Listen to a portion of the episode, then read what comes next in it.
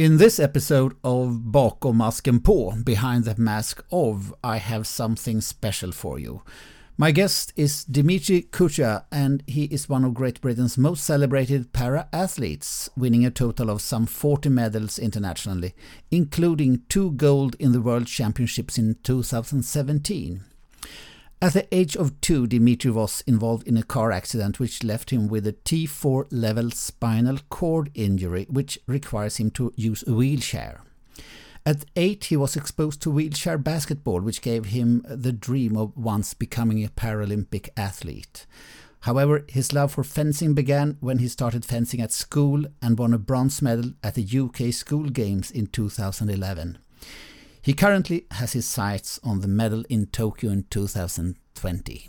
And if you get curious and wants to follow Dimitri in his struggle to become an Olympic champion, I will post the addresses to his Facebook and Instagram in connection to this podcast. But not only Dimitri is my guest in this episode, the interviewer is also a guest.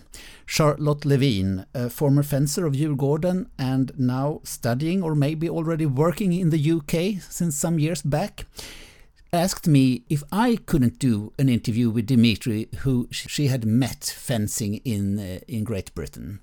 And I said that uh, sorry, that will be hard for me because I don't uh, plan to go over to Great Britain, and also it will be difficult to me to find Dimitri at some competition in Europe and do an interview with him there. So I said, "Why, Charlotte? Why don't you do the interview for me?" And she said that she might try to do that, and that's exactly what she has done. And it's a really great interview. It's very interesting to hear Dimitri's story, and I hope you will enjoy it as much as I did. So please listen to Charlotte Levin and Dimitri Coutya. En garde. Prêt Allez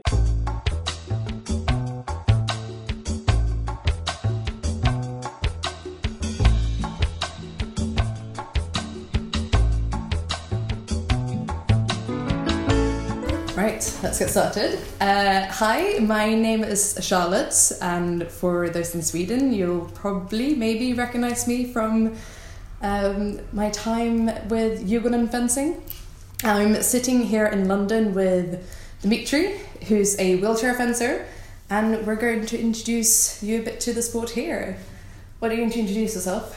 Well, uh, I'm Dimitri Coutya. Uh, I'm uh, one of the fencers for Great Britain, hoping to qualify for uh, the Tokyo 2020 Paralympic Games.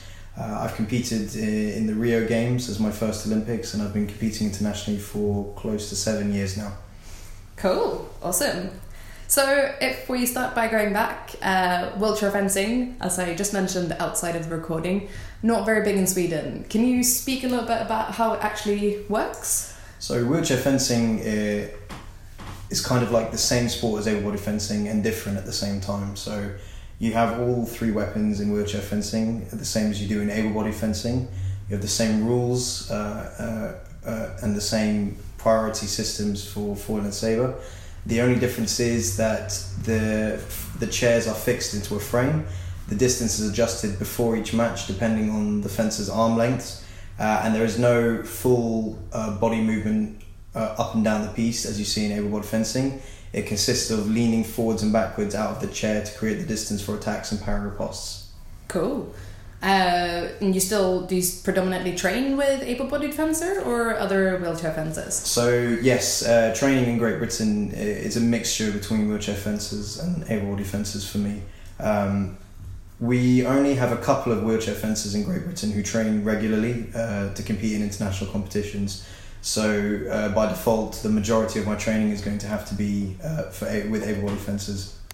Uh, I train at local clubs, uh, and I train at national sports centres where you know predominantly able-bodied fencers will train at. But I also travel to Bath twice a week, where our wheelchair fencing national centre is based. Okay, so do you need any special equipment for it, or can you just use any wheelchair? So uh, getting started, as with most sports, you, you kind of tend to just borrow equipment, use whatever's available to you. But once you get to a kind of an elite level, um, you, you do start, you, you do need to have your own kit. Uh, each fencer has a chair that's personalised to them. Uh, there's different measurements, there's, there's regulations on, on what's allowed with the wheelchair, but within that you get a lot of movement and variety. depending on the fencer's stability and what they feel comfortable with, and uh, it can be suited to their style as well. Um, so other than that, you still have the same kind of personalized kit. You have your masks, your blades, your jackets, your breeches. Uh, pretty much everything's the same. The only addition is the the wheelchair. Cool. So we met through fencing at the same club Yes, uh, over in Yeah. West Acton. Uh, and uh, from what I remember, if you want to like do the full epee experience, uh, you have a little extra blanket as well. Mm, yeah, Uh, it's quite funny. So it's been called many things: blanket, skirt, apron, you know, whatever it is. We tend to call it a skirt just because it's easier. Um, so for everybody fencing, as you'll know, the full body is the target area. Becomes a little bit harder to ask uh, people in wheelchairs to defend their legs and the chair as well. So the epee skirt is made of the same material as a foil lamé and it's wrapped around the waist. And what it does is it effectively covers the legs and the chair, and it prevents any uh, and short circuits any hit that that, that that arrives there, so that the match just continues. cool. And how long have you been fencing now? Ooh, I started in 2009 at my school, end of 2009, and then competitively began 2011. Uh, Okay. And uh, my first international was 2012 in July. Actually, the anniversary is coming up very wow. soon. Yeah. Wow. So you started off competing internationally in, in, in an Olympic year. Yes. Was it, sorry, July? July that just 2012, Before so- the Olympics? Yes, actually, the competition that I competed at for the first time was the last one before London 2012. How was that? It was quite interesting. I mean, I started fencing at a time where obviously the fences in Britain were at a very high competitive uh, training intensity. You know, they're all prepping to go off to the London Games. Uh, they all have high hopes for their country. They're all trying to do do themselves proud. Um, and you know, coming into that was it was really nice to see kind of that eager determination and that competitiveness uh, that comes with you know high level sport uh, at, at any stage, and that was really quite inspiring, especially at such a young age to to go and do it because I must have been thirteen or fourteen at the time. And uh, yeah, that really gave me a lot of motivation to, to, to train over the next few years to try and qualify for Rio. Cool. So you said you started at school. hmm Uh, do you want to speak a little bit about that? Yes. So to start with, it's worth mentioning that uh, Britain does school sports much more than Sweden does. hmm So maybe speak a little bit about how the school organises clubs and similar. Of course. Uh, so for secondary school, uh, each school will tend to have kind of a, a, a day where they go and uh, run different sports as students can pick. Um, depending on what school it's in, you can pick rugby, football, hockey, swimming, uh, tennis. Uh, it can be a variety of things, and my school also offered fencing. Um, so that's how I kind of consistently got started into it. My school is predominantly a rugby school, uh, and they, you know, they're very heavy on rugby, and, and they like it a lot. And it's held in very high regard at the school.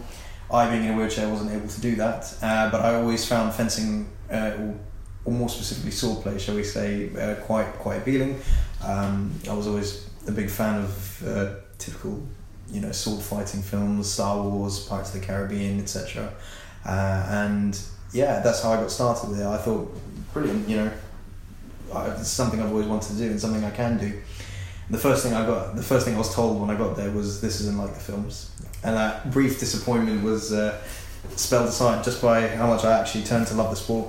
Yeah. And uh, here I am, eight years later, doing it pretty much every day. Yeah. So uh, you said you really, really, love the sport. What is it that actually Oh. makes your heart beat for yeah, it? Yeah, of course. Honestly, it's uh, it's a weird one. I mean, you'll know this. It's it's not really like anything else. It combines speed and and, and, and strength and and uh, uh, I mean agility and and brain power as well. You know, it's not it's not a one dimensional sport. It doesn't matter if you're the strongest. Doesn't matter if you're the fastest. Doesn't matter if you're the smartest. You know, although that does help quite a lot. You know, you need a combination of all three of these things to kind of um, come together to, to give you the best possible performance. Um, and in all honesty, it's a bit like it's as close as you can get to a fight without it being a physical confrontation. You know, you have sports like boxing and karate and judo, um, and obviously those are designed to, to hit, you know, f- full impact uh, sports. Um, and the goal of fencing isn't to, to hurt the other person or, or, to, or to impact them strongly, but you still have the same principles with that, and it's quite clever to come up against another opponent who's who's working on how to beat you, and you have to beat them in such a close physical confrontation at the same time. Cool. So you said that you you still go over to Bath every now and then to Yes. train with them. Uh, you do some training around places in London. Can you Mhm. speak a bit more about how your training looks in general? So uh, at the moment we're working, uh, as I said, two days a week in Bath, which is Wednesdays and Fridays. And the reason we've come up with that is just so that I can get as much variety into my training as possible because I do two weapons. Uh, that's another thing about wheelchair fencing. Typically, you'll get the athletes do two weapons uh, rather than specialising in one like the uh, able bods will do. Yeah. You still get people who prefer one weapon over the other, but you get people who, who do who do uh, double disciplines. So Mondays and Tuesdays I train in London, and uh, I train at the Leon Paul Centre where there are a lot of, uh, as you know, the national squad trains Yep. for foil, uh, and I do the uh, epee clubs in the evening. Uh, interspersed with that, I do gym and cardio as well three times a week. So I do on Monday. Wednesdays I travel very early in the morning to get to Bath, and that's predominantly an epee day because that's when the squad trains. Uh, I'll do gym and cardio there as well, followed by an evening session, followed by the drive home. Thursdays is a foil day, um, and uh, I train at Saxon's, which is where we met in the Yeah. evening. Uh, and I have a lesson in the morning as well. And then Friday I, I go to Bath again, but uh, I do foil with the head coach there as well. Okay. Uh, and that's basically my weekend. If I missed a session, I'll try to squeeze it in at the weekend. Yeah. Um, but it broadly follows that same kind of stroke, followed by you know tapering for competitions, and then once we're back from competitions, we'll have a week off just to reset so that we can get Yeah. back to it kind of more more more refreshed, shall we say? How often do you compete, and do you tend to have like competition blocks? Yes. So at the moment we're in a we're in a we'll call it a big block, shall we say, because we're building up to our world champs in, in, in South Korea in September. Mhm. Um, we're about to enter the competitive phase of this block right after our, our competition in Warsaw. So we'll be focusing on tactics and inspiring much more, whereas we've been focusing on technical work quite a lot as well Mhm. uh, in, in over this year.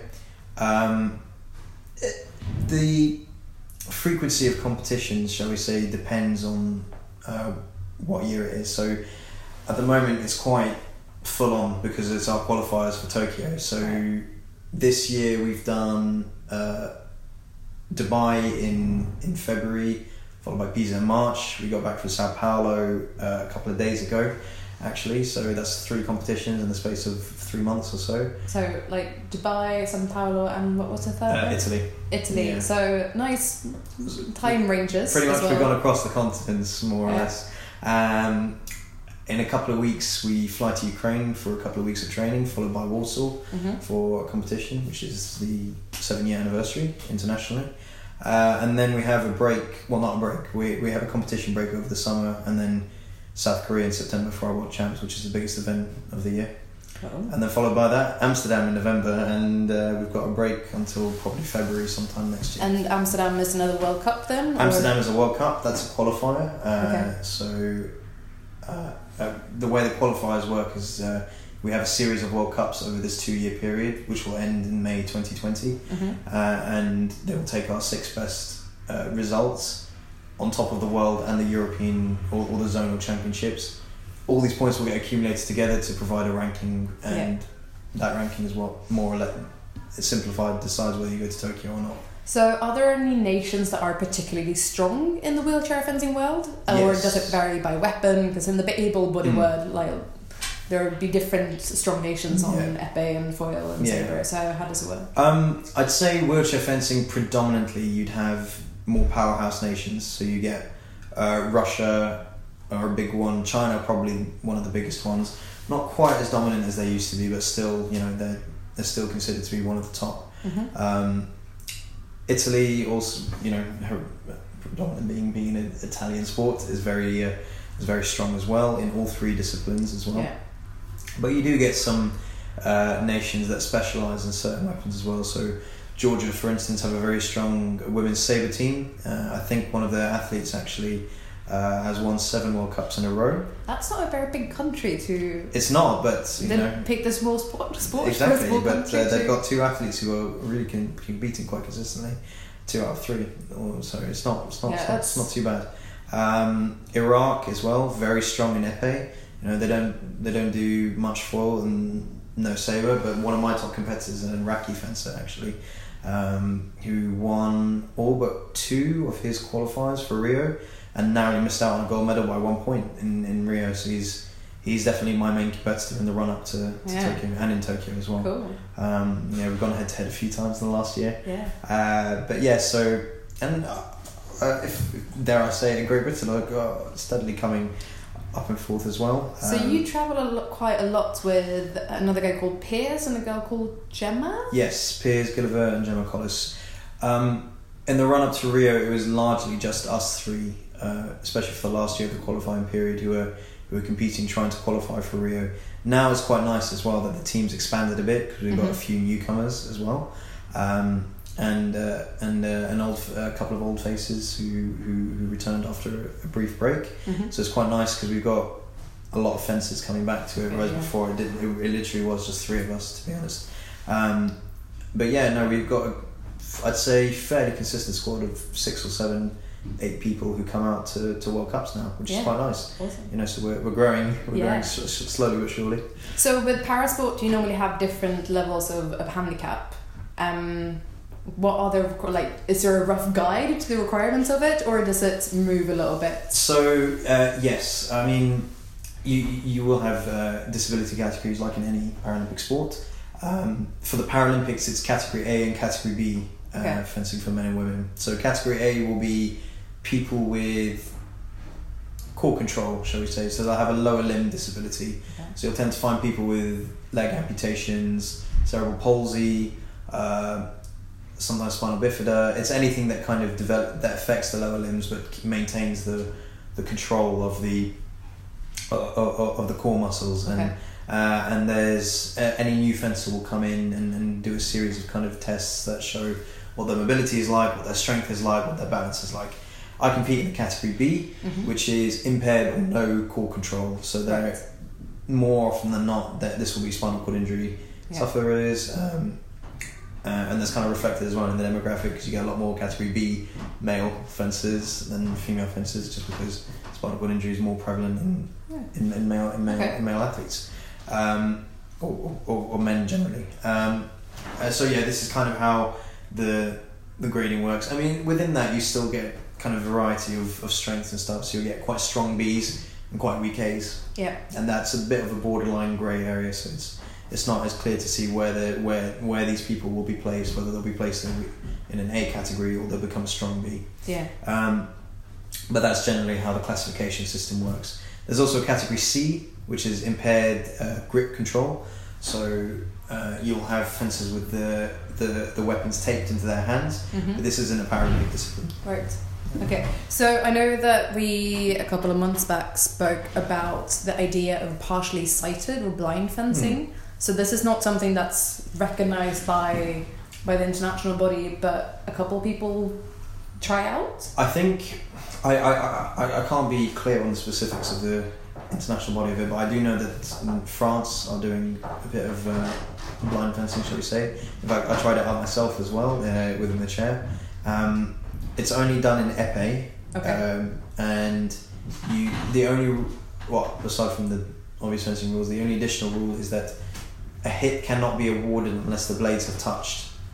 So obviously, if people will use that to gauge kind of distance and positioning and whatever.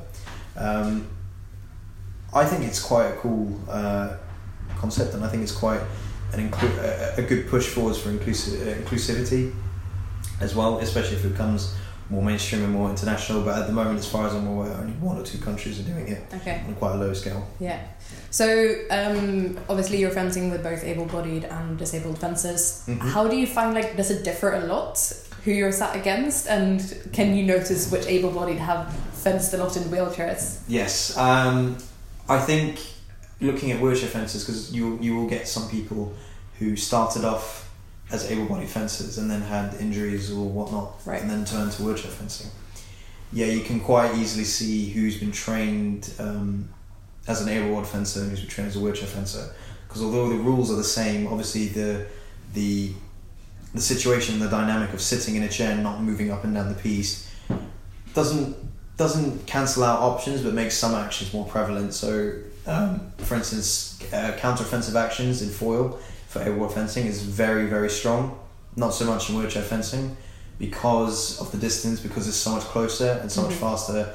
it's sometimes more difficult to set up the action, and you have to rely on the other person making a mistake Yeah. rather than you're able to control that and set it up with the distance well. But that doesn't mean that it doesn't happen. I think a lot of the top fencers do use it quite effectively, but um, I, I do see a couple of the Russians and a couple of the uh, a couple of the French who, who, who have trained and competed as international uh, able-bodied fencers, uh, and their styles slightly different from from wheelchair fencing.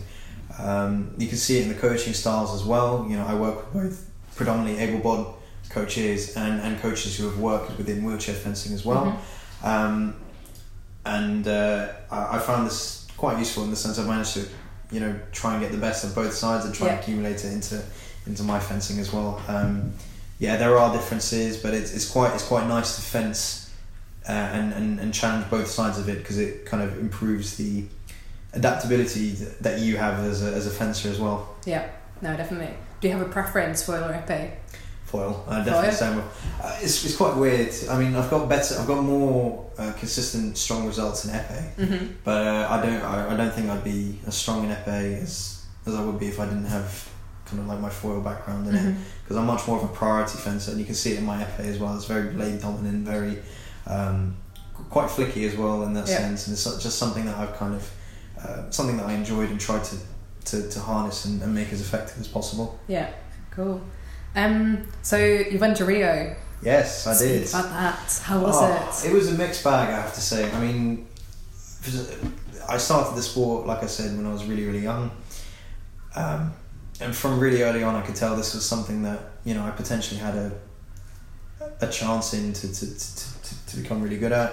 Uh, and then when I started training with the, the squad, the national slash international squad, um, you know, Rio was whispered around and was like potentially, oh, this is something I could work for. This is a, finding a tangible dream. You know, I always wanted to go to the Paralympics, but I never knew necessarily what weapon, uh, sorry, what sport. And, and then fencing, yeah, came along.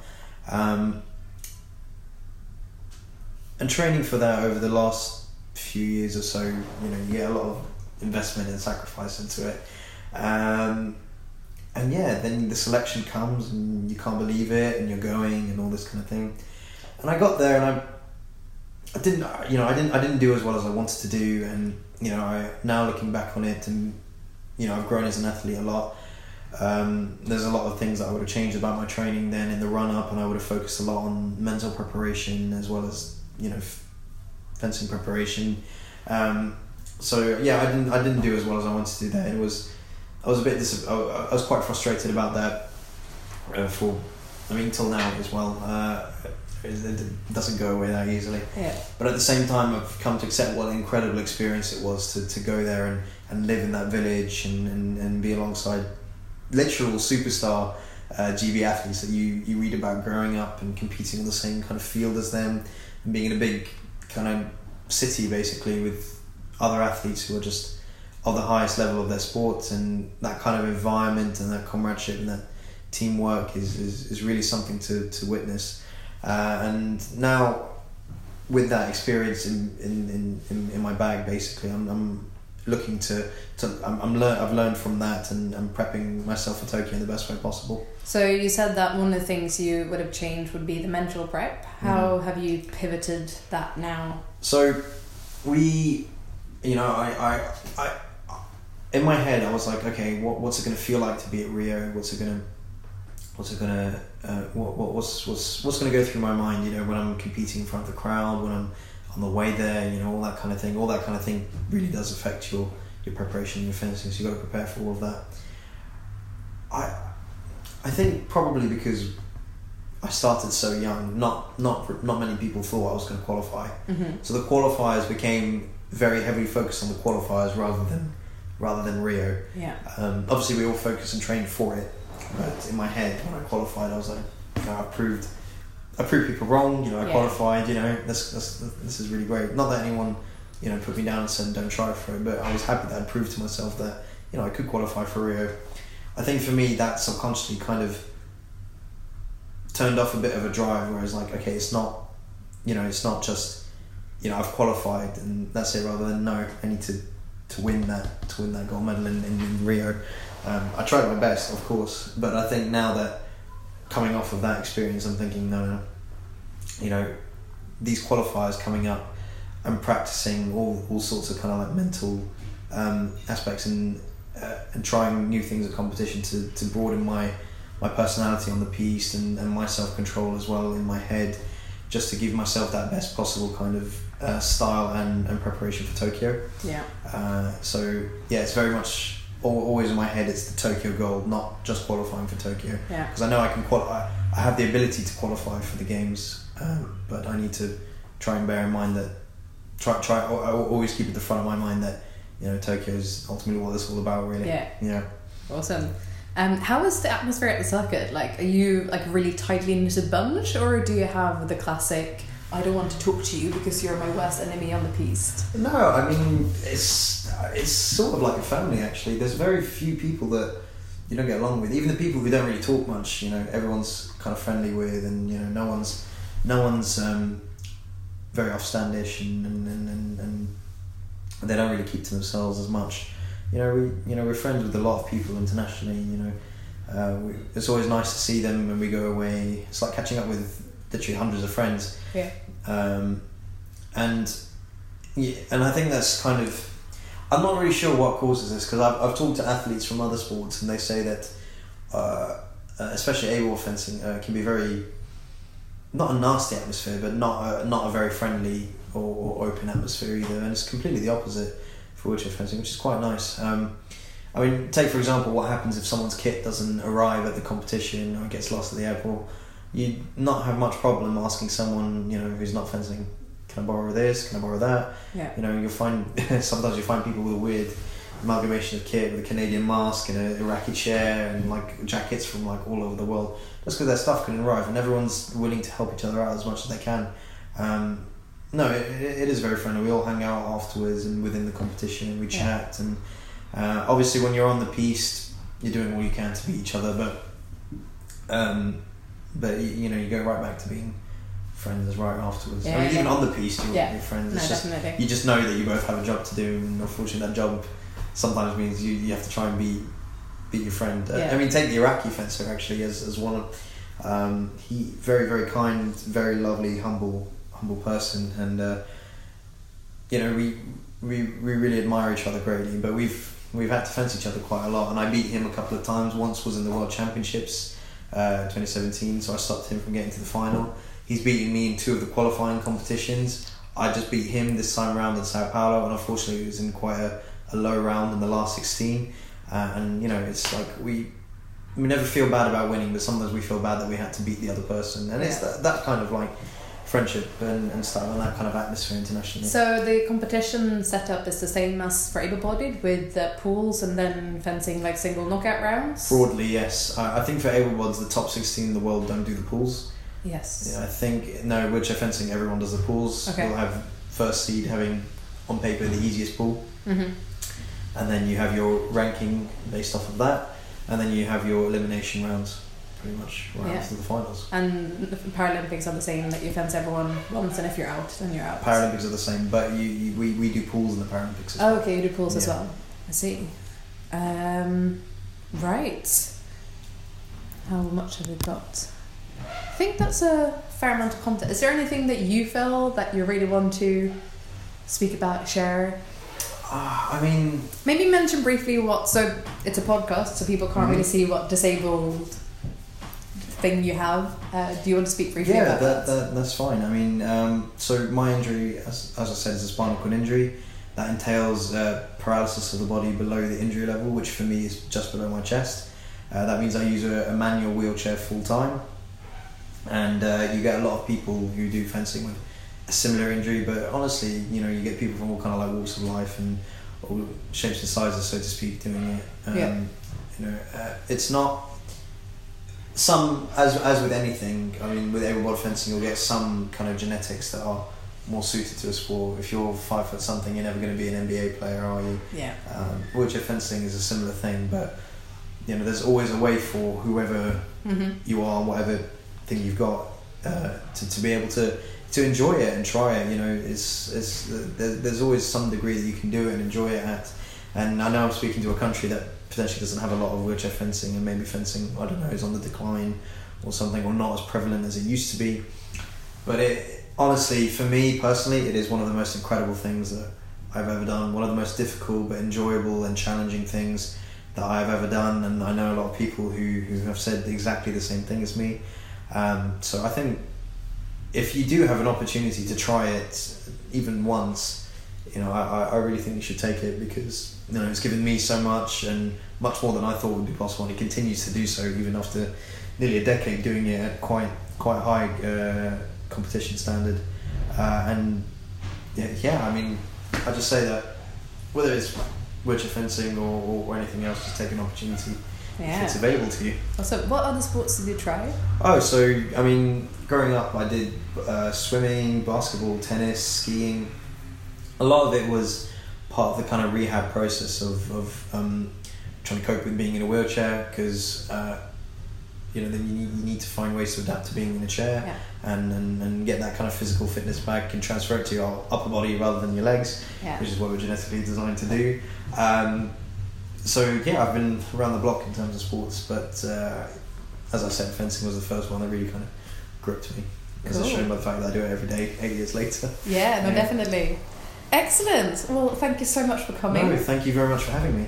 And uh, yeah, I'll let you know when it's published. Excellent. Thank you very much. to all of you in Sweden, um, if you have any comments, then comment on the uh, Bakom Masken på Facebook page.